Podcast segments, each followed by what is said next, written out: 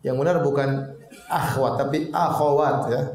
Ada o-nya, akhwat. Dan akhwat itu artinya para ukhtun ukhtun, ukhti ukhti, maksudnya akhwat. Jadi akhwat itu jamak, plural, bukan mufrad ya. Seperti ikhwan, ikhwan juga bukan mufrad. Yang benar mufradnya apa? Al-akh. Tapi sudah menjadi bahasa kita, pokoknya laki-laki namanya apa? Ikhwan. Eh, anakmu ikhwan atau akhwat?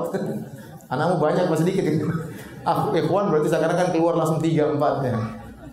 Laki-laki. Padahal jadi istilah kita ikhwan itu lelaki, akhwat itu apa?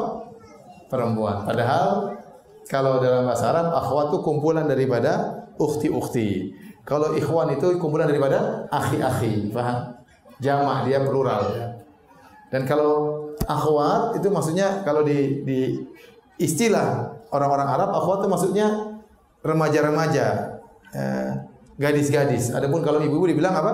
Nisa, an-nisa. Ya. Makanya waktu Syekh Abdul Razak datang ke Indonesia, kemudian eh, berjalan sama sebagian ikhwan, ada sebagian ikhwan mengatakan, Syekh itu musola akhwat. Jadi Syekh ketawa. Karena nggak ada istilah musola akhwat di Saudi, adanya musola apa? Nisa, kayaknya musola gadis gitu. Saya ngerti saya ketawa oh, ini memang dan orang Indonesia pede kalau ngomong padahal salah. ini musola akhwat, musola akhwat pikirannya menurut orang Saudi kalau dengar itu musola apa?